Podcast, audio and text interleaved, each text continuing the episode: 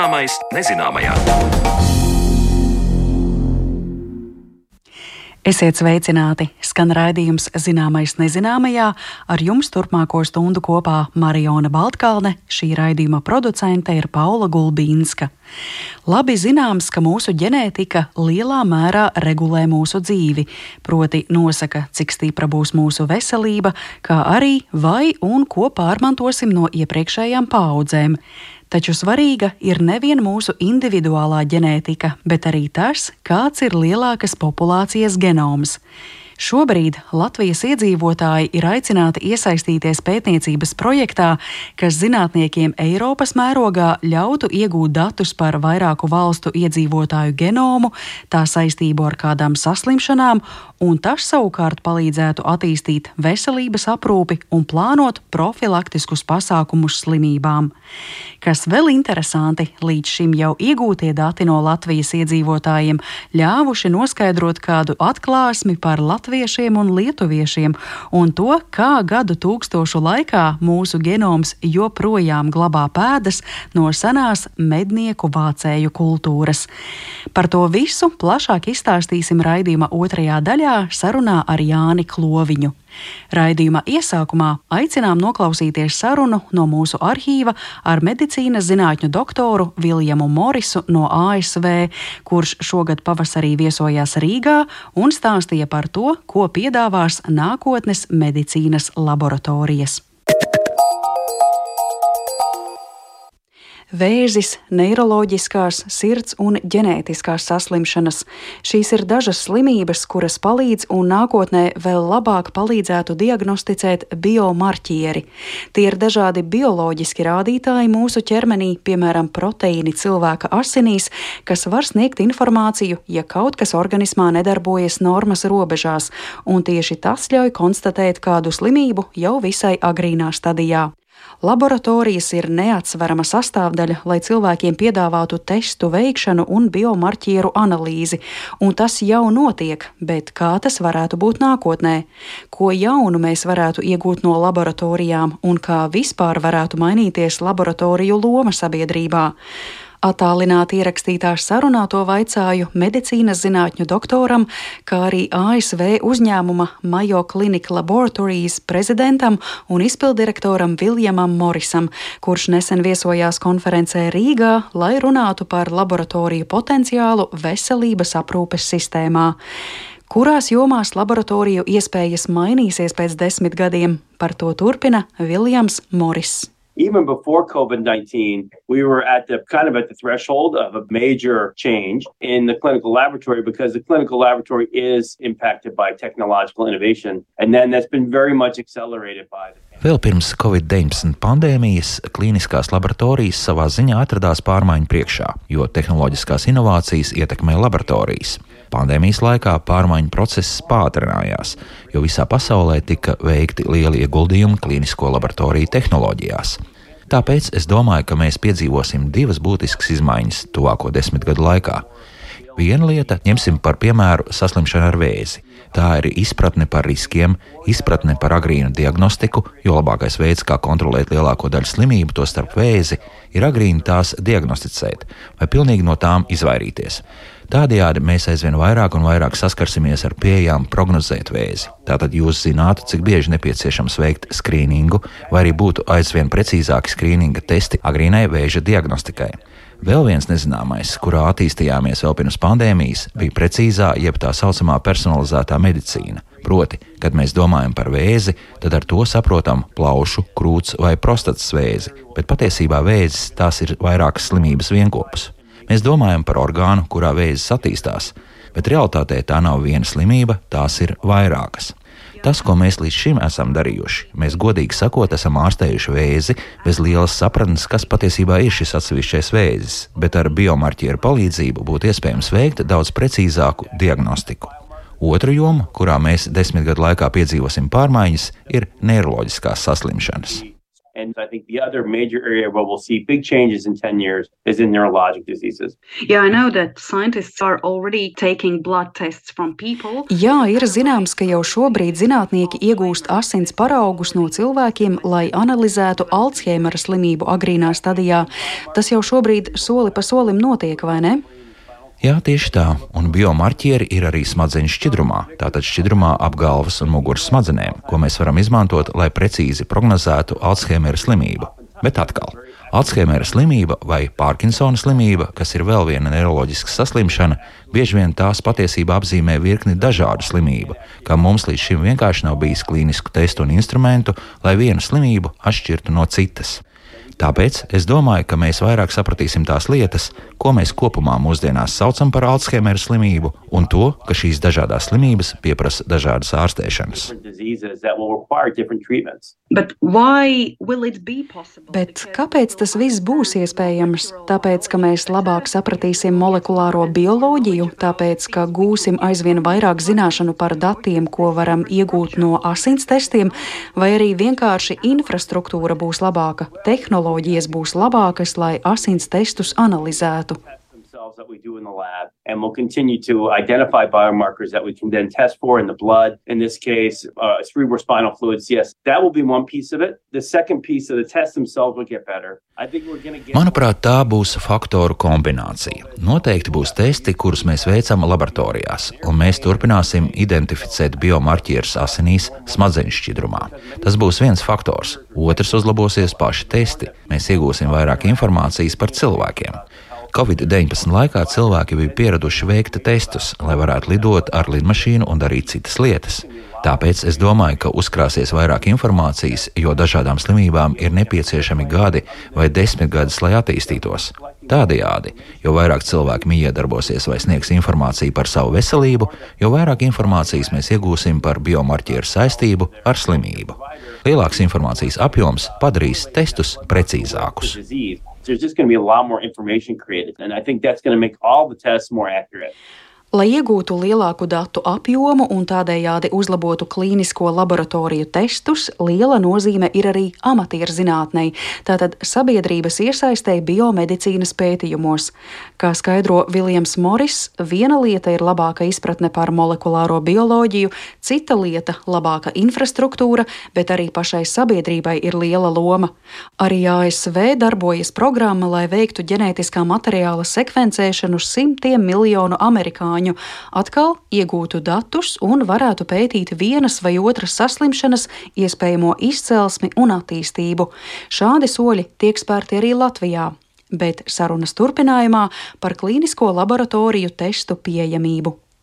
All right, on the one hand, we could say that it will be very easy to take a small blood sample to analyze what kind of diseases. Uh, Labi, no vienas puses mēs varētu teikt, ka būs ļoti vienkārši paņemt nelielu asins paraugu, lai saprastu, ar ko konkrētais cilvēks varētu slimot.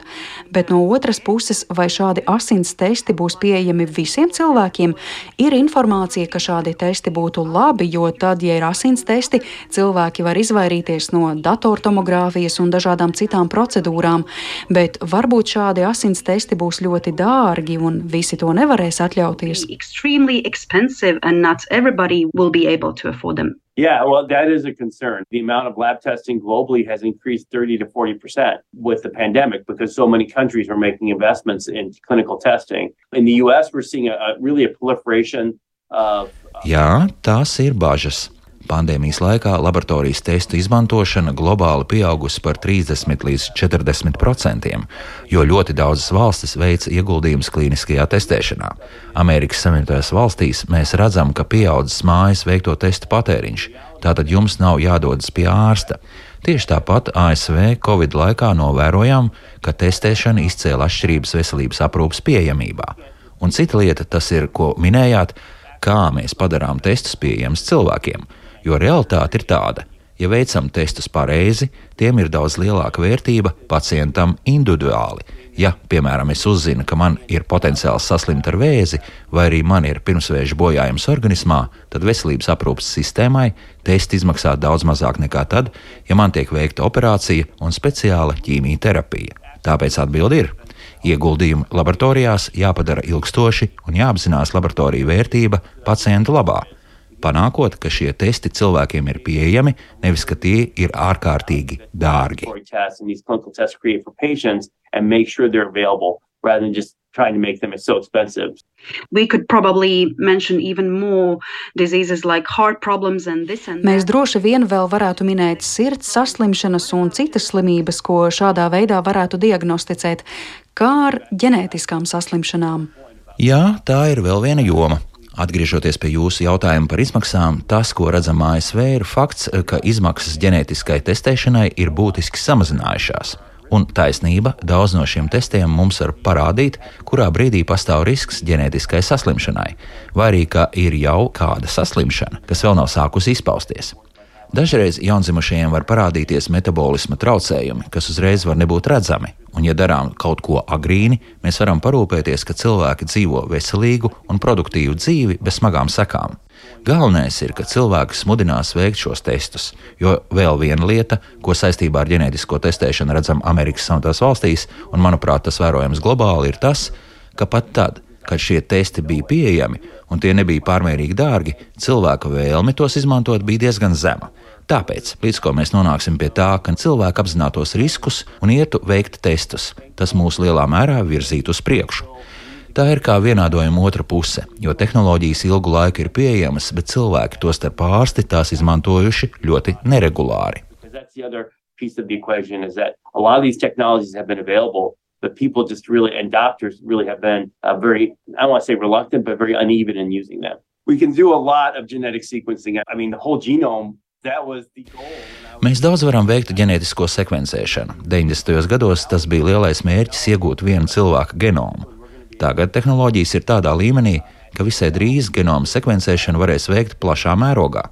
Ēnas puse šim visam ir tāda, ka genomam var būt daudz variāciju, un daudz no šīm variācijām mēs nesaprotam. Un, ja mēs palūkojamies nākotnē, kas varētu būt atšķirīgi pēc desmit gadiem, ja mēs savācam pietiekami daudz informācijas no cilvēkiem, tā ka mēs varam paraudzīties uz variācijām genomā, tā būs īsta cīņa. Ģenētika ir svarīga, tā ir noteicoša dažām slimībām. Citiem cilvēkiem ģenētika nosaka to, kāpēc tava veselība ir tik sarežģīta, ka tā paredz riskus saslimšanai. Bet citas lietas ir tās, kurām tu esi bijis pakļauts savas dzīves laikā, un kāds ir tavs dzīvesveids. Līdz ar to, iegūstot ģenētisko informāciju, mums ir nepieciešama arī cita veida informācija par to, kā cilvēki dzīvo, un jāapzinās šādas informācijas nozīme. Pašlaik mēs redzam, ka ir daudz informācijas un daudz ģenētisko variāciju, taču dažreiz nesaprotam, ko tas nozīmē individam. Sometimes we really struggle to know what it means for an individual. Way, mainly... Starp citu, mēs runājām par biomarķieriem, vai tie galvenokārt ir proteīni, vai arī tās varētu būt cita veida molekulas. Ir trīs galvenās kategorijas biomarķieriem. Ir ģenētiskais materiāls, DNS, RNS, tad ir proteīni, un trešā kategorija ir visi metabolīti, ne proteīni, ķīmiskās vielas, kas ir mūsu organismā. Patiesībā visvērtīgākais ir tad, ja mēs iegūstam informāciju no visiem trim komponentiem kopā un saprotam to miedarbību. Ģenētika var sniegt jums kādu informāciju, tāpat arī proteīnu un metabolīti. Var iedot kādu informāciju, bet, kad saliekam to visu kopā, ir iespējams veikt daudz precīzāku diagnostiku un novērojumus. Un vēl viena sastāvdaļa ir mikrobioms, baktērijas gremošanas traktā, baktērijas uz ādas. Tā ir daļa no tā, kas mēs esam, un arī mikrobiomu būtiskākai ietekmei uz veselību, mēs turpināsim pievērst uzmanību. And finally, I wanted to ask you we have talked about laboratories and their role in the future. But, uh... Visbeidzot, mēs esam runājuši par laboratorijām un to lomu nākotnē, taču, ja mēs tik daudz izmantojam šos paštestus, un mēs to jau daudz darījām Covid-19 laikā, varbūt tad laboratorija nozīme patiesībā samazināsies, jo cilvēki šādus paštestus sāktu izmantot daudzu saslimšanu gadījumā. Pieaugot pašu testu skaitam, klīniskās laboratorijās veikto testu skaits samazināsies. Tas būtu loģiski. Trūkums tam visam ir tāds, ja mēs vairāk veicam paštestus mājās, mums būs nepieciešams doties uz klīniskām laboratorijām, lai iegūtu vairāk informācijas. Ņemsim par piemēru Covid. Paštests var pateikt, ka jums ir covid, bet tas nepateiks, kura tipa covid jums ir, un vai arī citu svarīgu informāciju, kas jums būtu jāzina. Tests neuzrādīs, ka jums varbūt ir diabetes vai citi riska faktori. Tas, kas mums visiem būs svarīgi, padomāt par sistēmu, kurā iekļautos gan laboratorijas, gan mājas apstākļos veiktajos testos iegūtā informācija, lai tas darbotos kā veselums cilvēku veselības un pašsajūtas labā. Mēs šobrīd strādājam hibrīda režīmā, tad varbūt nākotnē laboratoriju sistēma arī darbosies hibrīda režīmā. Kaut kas ir iespējams tikai laboratorijā, un kaut ko var paveikt mājās, vai ne? Style. So something is done only in the laboratory and something can be done at home, right? I think that's right. For the US, I saw yesterday some really interesting information from a company that's looking to do a lot of at home testing. And one of the focus areas is for sexually transmitted infections. Jā, manuprāt, pareizi. Attiecībā uz ASV es vakar saskāros ar kādu interesantu informāciju par uzņēmumu, kas darbojas šajā paštestu jomā. Un viens no virzieniem šim uzņēmumam ir seksuāli transmisīvās slimības, kuru gadījumā cilvēki daudz iemeslu dēļ pie ārsta nevēlas doties, un slimības var diagnosticēt mājās. Tas, kas ir interesanti, šādu testu izmantošana būtiski palielināja veselības aprūpas iespējas lauku kopienās, un es domāju, ka tas patiešām parāda, kāds labums no tā ir sabiedrībai. Tas izskatās cerīgi. Jā, it īpaši, ja mēs runājam par saslimšanām, par kurām ir stigmatizēti uzskati, piemēram, HIV. Jā, tieši tā. Like HIV, example, right? mm. Par saslimšanām, ko nākotnē ar biomarķieriem būtu iespējams diagnosticēt vēl labāk, stāstīja Viljams Moris, un tas bija sižets no mūsu arhīva.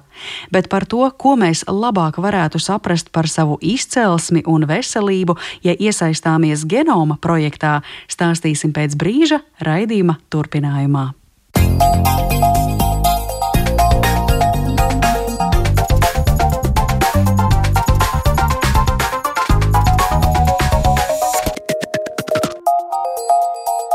Zināmais nezināmajā.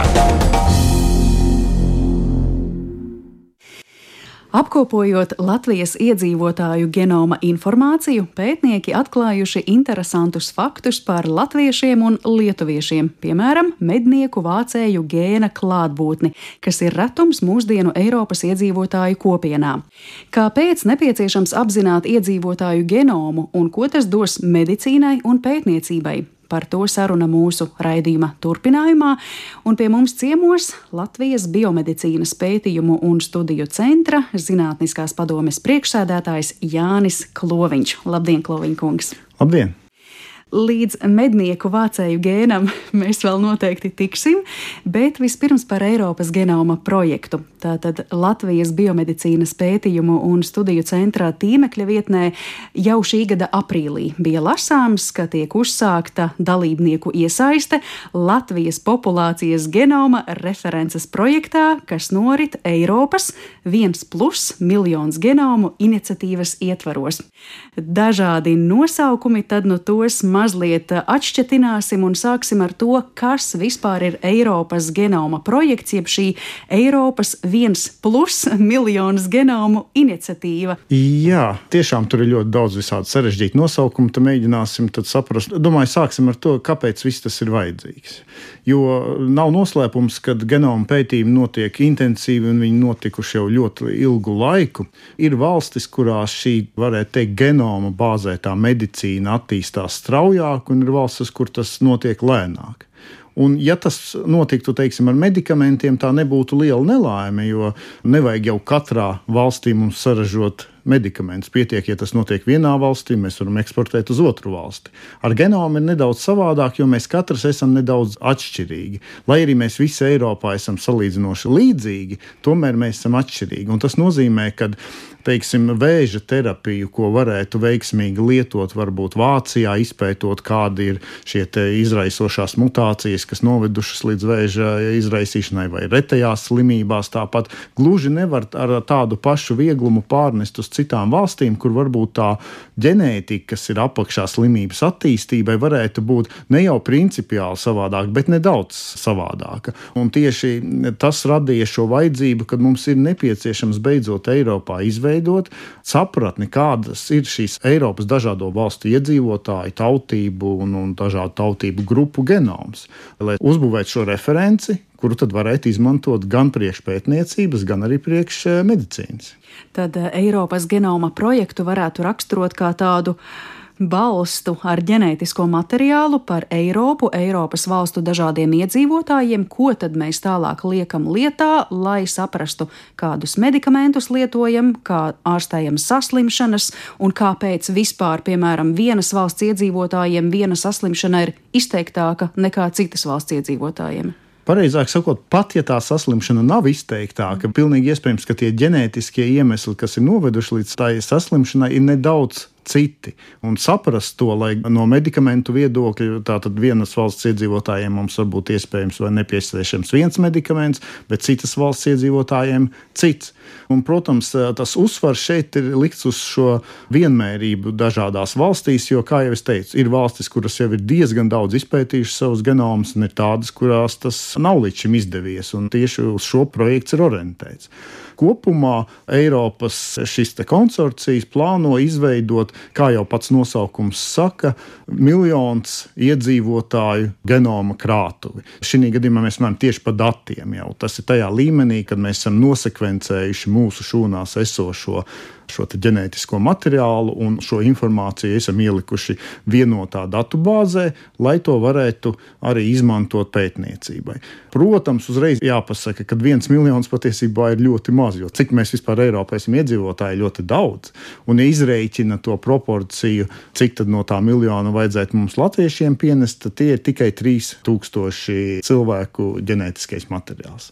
Un tas arī ir mūsu projekta mērķis viens plus miljonus, tas šajā gadījumā nozīmē, ka mēs tikai sāksim. Tas ir tikai miljonu. starts, protams, jo, ja mēs runājam par lielām valstīm, tur tam atskaites punktam, kad mēs iegūstam sapratni, kas ar šiem iedzīvotājiem notiek, ir jābūt lielākam nekā Latvijas gadījumā 3000. Minējāt, ka citās valstīs šis genoms, ģenētiskais materiāls jau ir pētīts, kā ar Latviju. Mēs tādi iesācēji šajā jomā esam. Tā gluži nav. Protams, arī mums ir notikusi genoma pētniecība dažādos līmeņos. Te gan ir jāsaka objektīvi, ka mēs līdz šim esam tā nedaudz iepalikuši, jo, ja mums tas palicis tādā pētniecības līmenī, tad tomēr citās valstīs Eiropas tas ir aizgājis jau līdz tam pielietojumam medicīnā, kad aizvien vairāk tiek izmantot šī genoma informācija arī praktiskajā medicīnā viņi ir pieejamāki, šie ģenētiskie testi daudz pieejamāki gan retajās slimībās, gan vēža ārstēšanā, un tos jau sāk arī tādām biežāk sastopamajām slimībām pakāpeniski izmantot kā zāļu lietošanā un visā pārējā medicīnas aprūpē kuras valstis varbūt ir tādi karoga nesēji šajā ziņā? No tādas sistemātiskas pieejas es noteikti gribētu minēt Somiju, jo tiešām Somija genoma pētniecībā ir izcēlusies jau sen ar, ar saviem genoma pētījumiem tādās izolētajās populācijās, bet šeit tiešām tā pieeja ir tāda, kas iesaista lielākas cilvēku masas gan no pacientu viedokļa, gan arī no kompānijas, kuras varētu izmantot šos genoma materiālus, lai attīstītu savus produktus. Var sakot, tāda sistemātiska pieeja ļoti aktīvi un sistemātiski tās lietas notiek arī Nīderlandē. Un arī Lielbritānija, protams, ir jāmin kā viena no karognesējiem. Ja atgriežamies vēl pie šī projekta mērķa, gan Eiropas mērogā, gan, protams, arī Latvijas mērogā, varam lasīt, ka tā ideja ir nodrošināt drošu piekļuvi ģenētiskajiem un ar paraugiem saistītajiem klīniskajiem datiem visā Eiropā, lai uzlabotu pētniecību, attīstītu personalizētu veselības aprūpi un palīdzētu efektīvāk pieņemt lēmumus veselības aprūpes politikas veidošanā. Es gribētu saprast, kā šis mērķis sasaucas kopā ar tādu tehnisko, praktisko pusi. Piemēram, mums tagad ir 3000 Latvijas iedzīvotāji, kuri dod savu ģenētisko materiālu. Tad būtu somi un vācieši, vēl un vēl, un tagad tas viss sanāk kopā, kā šie dati tiek analizēti lai tad mēs saprastu, kā mēs varam palīdzēt vienas vai otras valsts iedzīvotājiem, lai panāktu to mērķi, kas ir tā precīzijas medicīna, tātad individualizēta pieeja. Mhm. Laikam es sākšu ar to, ka e, šis ir tāds pirmais projekts, kurš ņem vērā arī ļoti šos drošības aspektus. Jo patiesībā ideja nav tāda, ka mēs tagad aizsūtīsim mūsu latviešu genomus kaut kur e, glabāties tai pašā Somijā vai citur. Tieši otrādi šis projekts plāno izveidot tā saucamo federatīvo sistēmu. Tas nozīmē, ka, ja kāds zinātnieks uztais šo pieprasījumu un grib analizēt Latvijas genomus, viņš varbūt grib visus genomus analizēt, bet viņš atnāk caur mums tā tātad kodētā veidā, un viņš tiek izanalizēts šeit pat uz vietas. Tas nozīmē, ka mēs nesūtām prom savu ģenētisko materiālu, tas tiek izanalizēts, un jau rezultāts tiek aizsūtīts atpakaļ. Drošība ir iestrādāta pašā sistēmā, jo tas nozīmē, ka tā tad tiek pieprasīta informācija, kas jau ir kaut kāds algoritms, kurš prasa aprēķināt, cik bieži ir sastopama tāda, pieņemsim, viens variants konkrēts Latvijas populācijā. Mēs nesakām, viņš ir atrasts Pēterim, Annai un tam līdzīgi. Mēs sakām, tik un tik procentos, un tik un tik cilvēki slimo ar tādu un tādu slimību. Tātad tā ir tāda agregēta informācija, kur mēs aizsargājam šo privāto informāciju, kas ir individa līmenī. Tātad tā visa sāls ir tāda, ka tie dati tiek analizēti individuālā līmenī, bet uh, atdoti atpakaļ jau aizsargāti un vairs nu, tur nevar izpaust šo personas datus. Mm.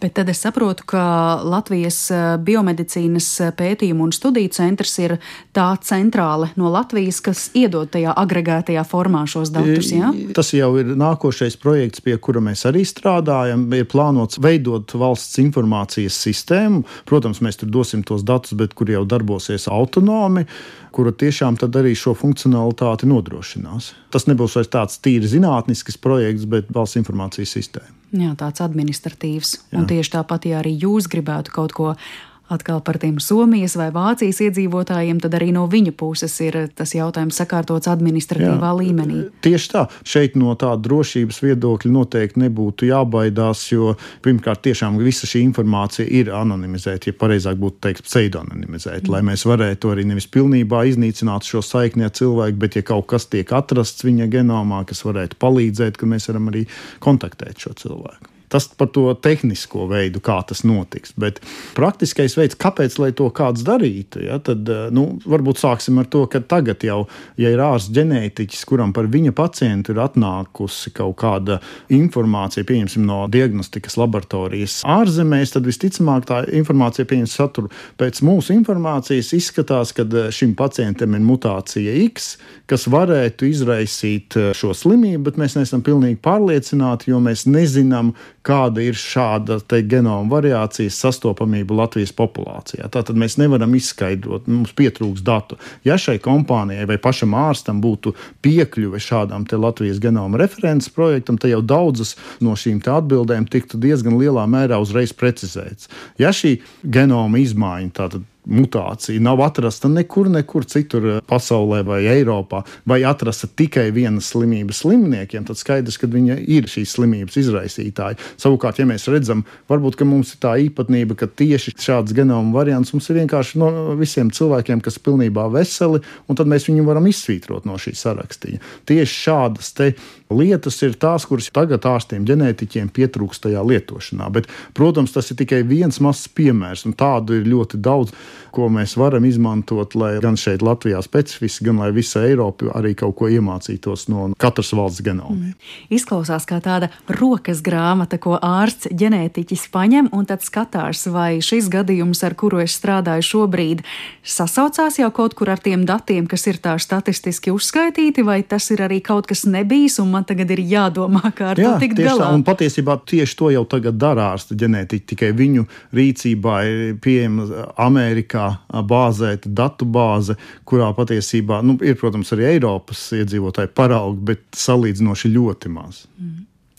Tad nu pašķetināsim vēl tālāk to sadaļu par to, kā šis eh, genoms varētu palīdzēt medicīnas eh, nozarei, proti kontrolēt vai ārstēt kādas specifiskas saslimšanas, izvēlēties medikamentus. Nu, ja mēs, piemēram, iedomājamies tādas saslimšanas kā cukura diabēts, astma, artrīts, te varētu teikt, kaut kas ir vilmaiņas traucējumi, kaut kas ir alerģiskas saslimšanas, tad vēl autoimūnās saslimšanas. Tas saslimšanu spektrs ir ārkārtīgi plašs, un tad eh, jautājums, vai izpratne par populācijas genomu palīdzēs izprast eh, šādu slimību attīstību. Jā, patiesībā pēc jau pašreiz tās esošās uzkrātās informācijas mēs varam, ja vien cilvēkam ir pieejams genoms, mēs varam uzbūvēt viņam šādu potenciālo risku saslimt ar katru no jūsu nosauktajām slimībām.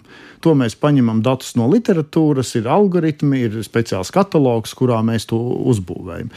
Kur ir problēma? Pirmkārt, ir tas, ka, eh, protams, viņš būs neprecīzs, tāpēc ka šie dati ir nākuši no citām populācijām, nevis no Latvijas. Un, kā jau es minēju, tur var būt tādas nelielas atšķirības. Otrkārt, nu, viņš ir neprecīzs varbūt uz doto brīdi pēc būtības, tāpēc ka mums nav tik ļoti daudz zināšanu par visiem genomu variantiem un viņu saistību ar slimībām. Tas ir notiekošs process, kur pētījumi vēl joprojām turpinās. Ja? Un trešais, šāds ģenētiskais risks uz tādām bieži sastopamām sastopamajām slimībām, nenozīmē, ka tas ir pagalam un viss cilvēkam, ka vairs nav izējis. Ja? Jo mūsu slimība veidojas eh, kombinējoties ģenētiskiem riskam un apkārtējās vidas faktoriem, respektīvi tam, ko mēs eh, liekam sevi iekšā, vai nu pārtikas veidā, vai varbūt eh, dzērienu vai smēķēšanu, pieņemsim, un citi nelāgi paradumi. Tas viss kombinējas mums slimības veidošanā. Bet tomēr paliek tas jautājums, bet es taču nevaru izmainīt savu genomu, kāpēc man vispār to vajadzētu zināt. Ja? Bet eh, viens piemērs kaut vai visiem labi zināms krūtsvēzis. Ja, tā. Tātad, ja mēs zinām, kad ir palielināts risks un uz doto brīdi teiksim, mēs varētu aprēķināt, ka nu, ļoti lielai daļai populācijas varētu būt šāds ļoti paaugstināts risks, ja mēs būtu visus Latvijas cilvēkus izanalizējuši. Ja? Tad uh, var piedāvāt tomēr ātrāku skrīningu uzsākt šiem cilvēkiem. Šie cilvēki noteikti būs arī motivētāki to darīt, iet un, un regulāri pārbaudīt. Un pēc būtības agrīni atklājot šo audzēju, viņu var arī daudz veiksmīgāk izārstēt nekā tad, ja visai populācijai piemēro šo skrīningu vienā veidā, un arī mēs nemotivējam cilvēkus to darīt. Un tas ir tikai viens piemērs. Ir citas slimības, kur var izmainīties terapija atkarībā no tā, uz kāda veida slimībām ir šis paaugstinātais risks. Tā ka tas viss ir tiešām patiesībā ļoti lielu potenciālu medicīnā. Uz doto brīdi daudz kas nav skaidrs, bet tās lietas ļoti attīstās, un dažas jau ir pielietojamas jau tagad. Mm. Tad, ja raugās uz visu šī projekta mērķi un tādiem soļiem, es to saredzētu tā. Viens ir tas, ka mēs ievācam datus un saprotam, varbūt ar ko katras valsts iedzīvotājiem ir lielākie riski saslimt.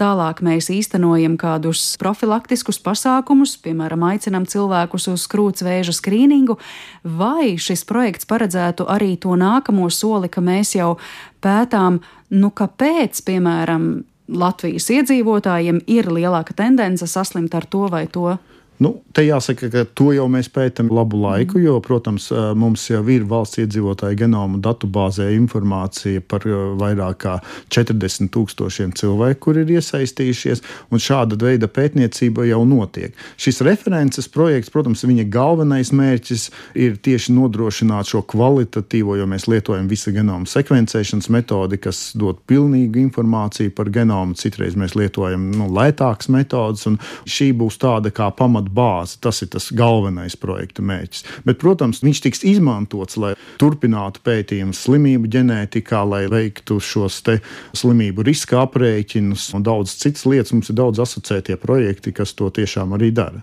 Bet eh, kā jūs teiktu, kam tomēr ir lielākā loma, piemēram, vienas noteiktas sugas eh, gēnu kopumam, tātad genomam, vai tomēr ļoti liela ietekme ir šim indivīda gēnu kopumam, jeb genomam? Genotipam un cik liela nozīme ir arī epigenētikai, vides faktoriem. Protams, ka viss tas, ko jūs nosaucāt, kopā summējas, lai veidotu to slimību. Protams, ir dažādi līmeņi dati. Pēc visas populācijas datiem mēs varam viņus izmantot, lai tiešām optimizētu šīs skrīninga programmas, jo mēs zinām, ka varbūt mums ir paaugstināts risks uz vienu slimību, tātad tur ir kaut kas vairāk jādara. Tas ir tādā līmenī. Kamēr individuāli cilvēka genoma, tad šis pielietojums ir vairāk tieši personālā līmenī. Tātad tieši viņam izvēlēties konkrētu medikamentu, ko mēs nevaram saprast pēc visas populācijas populācijas datiem. Ja? Un, protams, ka šeit mēs liekam kopā šos dažādos vides faktorus tādā lietā, ko mēs esam tagad uzsākuši projektu valsts pētījuma programmas ietvaros, tā saucamais poligēnā riska kalkulators ir tieši, ka cilvēks iedod savus genoma datus un tas nosaka viņa slimības risku, bet principā tur var pievienot arī viņa dzīvesveidu, viņa teiksim, svaru, augumu, citas lietas, un šis risks modificējas. Ja? Tā tad ir arī tas stimulējošais efekts. Kas notiks, ja es uh, svēršu, teiksim, nevis uh, tik, cik es tagad svaru, bet nedaudz mazāk, varbūt mans risks būtiskāk samazināsies. Tā tad tas ir tas kombinācija, kas beigās nosaka šo saslimšanu. Atgriežoties pie tās rokas grāmatas, ko es pirmīt minēju, nu tad tā arī sanāk, vai ne? Ārsts ģenētiķis atver to grāmatu un tad uh, skatās, kā konkrētā pacienta situācija sasaucas ar jau tiem kopīgajiem statistiskajiem datiem, un ja tas nesasaucas, nu tad lūk, ņem vērā Jā, svaru, ārējās vidas tā. faktorus. Nu, un tāpēc es arī gribētu vēl arī izmantot šo izdevību un aicināt cilvēkus šajā projektā piedalīties. Tā tad varbūt nedaudz konkrētāk tieši par to Latvijas eh, references projekta daļu, kurā mēs plānojam nedaudz vairāk nekā mums bija tajā Eiropas paredzēts, 3,5 tūkstoši cilvēku iesaistīt. Man tiešām ir liels paldies tiem cilvēkiem, kuri jau ir atsaukušies, aptuveni tūkstots, kuri jau tagad ir procesā. Jāsaka, ka, protams, mēs gribam balansēt, lai cilvēki no visas Latvijas iesaistās. Pagaidām aktīvāk ir tieši vidzemē, Rīgā, Kurzemē, bet mēs ļoti gaidām cilvēkus arī no Latgales Latgales un Zemgales.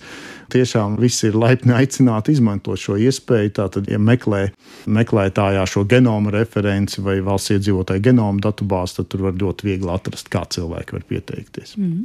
Šis ir ļoti labs piemērs eh, sabiedrības zinātnei, jeb eh, tam, ko angļu valodā sauc par citizen science. Un eh, mēs pavasarī mūsu raidījumā stāstījām par citu Latvijas biomedicīnas pētījumu un studiju centra aicinājumu cilvēkiem tā bija aptauja vispār par sabiedrības zinātnes nozīmi.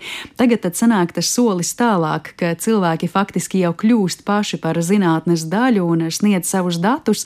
Vēl par tādu praktisko pusi, ko tas cilvēkam nozīmētu. Labi, googlē atrod informāciju, tālāk tas nozīmē arī kādu daudzu dokumentu pildīšanu un kas ir šie ģenētiskie dati, ko cilvēks iedod. Jā, tātad tas, ko mēs lūdzam cilvēkam izdarīt, ir eh, aizpildīt šo mēs mēs saucam viņu par iedzimtības un veselības anketu. Tā ir tiešām nepārāk gara anketa, bet kura satur būtiskus šos te, dažādus gan antropometriskos, respektīvi svaru, augumu un, un tam līdzīgas lietas, datus, gan arī nedaudz par to, ar kādām slimībām varbūt cilvēks ir slimojis un tādā garā.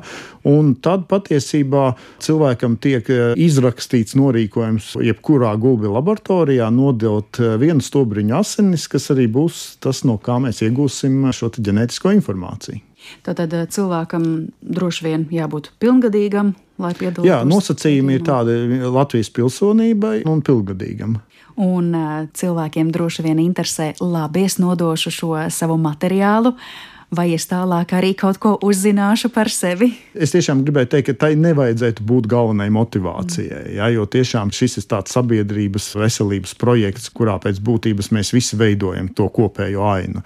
Bet, protams, ka pirmkārt eh, šī ir unikāla iespēja, kad eh, šī cilvēka genoms tiks izanalizēts ar vismodernākajām sekvencēšanas tehnoloģijām, un katram cilvēkam ir tiesības šo informāciju pieprasīt no valsts iedzīvotāja genoma datubāzes un iegūt savā savā rīcībā genoma datus. Te es tikai ļoti lūgtu, teiksim, nesteigties, jo šis projekts tiešām mums paredzēts, ka viņš noslēgsies nākošajā gadā tikai, un šīs sekvenēšanas lietas ir diezgan sarežģītas, tāpēc mēs nevaram garantēt, ka, ja cilvēks tagad iesaistīsies, ka pēc mēneša jau būs kaut kāds rezultāts. Tur ir nedaudz jāpacieš, tas kopējais viss apjoms tiks izveidots tā nākošā gada beigās.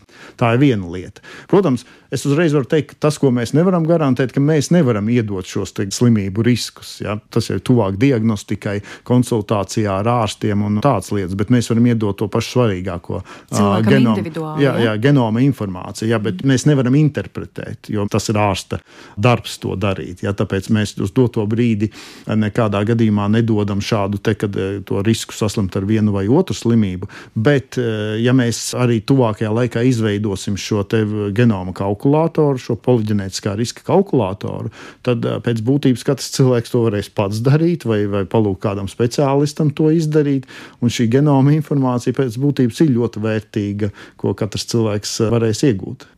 Sakiet, vai ar genoma izpēti mēs varam izsekot arī savai izcelsmei? Daudz ir redzēti šie stāsti, ka tu nodod savu ģenētisko materiālu, vai tās ir asinis vai siekalas, un ar to palīdzību tev pastāsta nu, visu, ko interesantu, no kurienes iespējams tevi tālie, tālie un vēl nescik tālie senči nāk. Iespējams, tev ar Baltiju vispār ir ļoti attāls sakars. Jā, protams, jau tā tēlēni izsakoties, varētu teikt, ka katra mūsdienās dzīvojoša cilvēka genoms ir tā kā puzle. Pie tam milzīga, milzīga, milzīga puzle, kura sastāv no daudziem gabaliņiem. Ja? Un katram no tiem gabaliņiem ir kaut kāda izcelsme. Viņš nav radies, viņš nav uzsintēzējies mūsu organismā no nekurienes. Viņš ir atnācis pie mums caur vairākiem senčiem, caur vairākām paudzēm. Tas ir tas, kas veido mūsu šo genomu. Mūsdienu bioinformātikas vai šīs skaitļošanas metodes patiesībā ļauj mums katru šo cilvēku puzli izjaukt un sabērt kopā ar varbūt tūkstošu citu cilvēku puzlēm. Un mēs zinām, no kura cilvēka kas nācis, šis dators eh, saliek pa kaudzītēm, nevis vairs pa cilvēku kaudzītēm šīs puzles, bet pa šīm izcelsmes kaudzītēm. Ja? Teiksim, mēs redzam, ka ir viena kaudzīte, kurai ir viena izcelsme, otrai otra izcelsme, Pēc tam, sašķirojot pa cilvēku, mēs jau varam sākt noprast, no kurienes tas īsti ir. Jo tā, teiksim, cilvēkam, kas dzīvos Turcijā, noteikti dominēs viens variants, kas mums varbūt būs mazākā daudzumā. Ja? Un šādu analīzi veicot, mēs tiešām pēc būtības jau nākošajā posmā saliekot atpakaļ šīs nomarķētās puzlītes, izveidojam tādu kā kodu katram cilvēkam. Cik tad mans genoms, pieņemsim, satura vienas vai otras izcelsmes šo komponentu. Nu, redz, ja mēs runājam par puzlītēm un esam pienākuši klāt Baltijas reģionam, es zinu, ka jums ir izdevies atklāt arī interesantus datus par mums pašiem, latviešiem un arī mūsu kaimiņiem dienvidos, lietuviešiem. Nu, tāds saldais ēdiens. Varbūt varat atklāt, ko ir izdevies noskaidrot. Es jau sākumā te mazliet pačukstēju priekšā par mednieku vācēju gēna klātbūtni, ko tas par mums galu galā pasaka? Jā. Nu, tā tad eh, varbūt sāksim ar to, ka, protams, tās pužļu kaudzītes mēs varētu nosaukt pavisam savādākos vārdos. Mednieku vācēju vietā, ja jau viņš varbūt ir vairāk mums latviešiem un eh, lietuviešiem, nosaukt viņu par baltu puzles kaudzīti. Ja? Bet atkāpjoties pie tām pužļu kaudzītēm, zinātnieki jau ir pētījuši gan liekot talkā šos te varbūt arheoloģiskajos izrakumos atrasto DNS tūkstošiem gadu atpakaļ, ir uzbūvējuši šīs Eiropā uz doto brīdi esošās uh, seno DNS, jeb tādu nu, mūsu priekštecu DNS pužļu kaudzītes. Ja? Viņas ir vairākas. Ir tā saucamie nu, teiksim, tā Anatolijas fermeri, jeb tie, kas visā Eiropā ienāca ar šo zemkopību, ir jamnie, jeb stepes uh, iedzīvotāji, kas vairāk senatnē atradās Ukrainas stepēs, un arī viņi izplatījās pa visu Eiropu. Un šie ir vairāk tiešām ar zemkopību saistīti senie elementi. Savukārt bija arī diezgan daudz tādu mednieku vācēju, kas vairāk nodarbojas medībām un vākšanu, ja, un tādas ir vairākas populācijas. Viena no tādām ir rietumu mednieku vācēji, kur principā kādu laiku pirms eh, visas šīs zemkopības ēras uzplaukšanas dominēja Eiropā. Un viņi pakāpeniski tika izspiesti, un tas uzskats bija, ka jā, mēs redzam Eiropas genomos šo elementu, bet viņi ir ļoti nedaudz. Un tagad izpētot tieši Latvijas genomus, mēs piepeši redzam, ka patiesībā tas ir dominējošais puzles variants tieši mūsu latviešu genomos. Mēs, protams, sākām skatīties un salīdzināt to ar blakus esošajām tautām, un arī lietuviešos viņš nu, praktiski tieši tādā pašā daudzumā. Tātad mēs, latvieši un lietuvieši, visticamākais šeit kaut kā esam patvērušies no tām lielajām migrācijām, kas Eiropu skāra vēl mezolītā, kad nāca iekšā vairāk no mūsdienu Turcijas vai no šiem stepes rajoniem cilvēki ar, ar savām prasmēm un arī genomiem. Nu, tad mēs tā pamatoti varam teikt, ka mēs, baltieši, ģenētiskā līmenī esam unikāli, īpaši.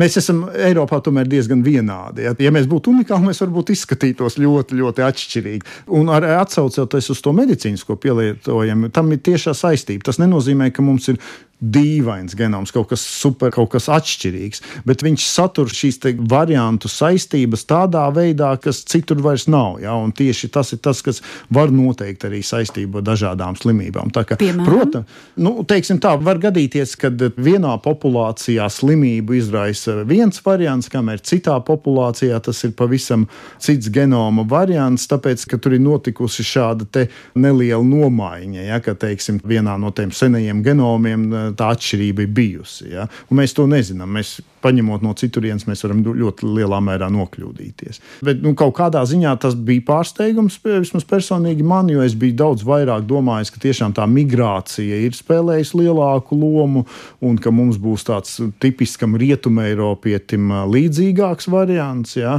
Igauniem arī, starp citu, šis elements ir salīdzinoši lielākā, bet tur, protams, nāk somu ietekme, jo, jo somugriem atkal ir savs, savs īpatnējais šis genoma elements. Bet, nu, tā tad, jā, šis šis bija tāds interesants atradums, kas arī tikai pamato to, ka mums tiešām vajag mūsu pašu genomu pētīt un būvēt šo genomu medicīnu, skatoties uz Latvijas genomiem, nevis tik daudz ņemot tikai no ārzemēm. Mm.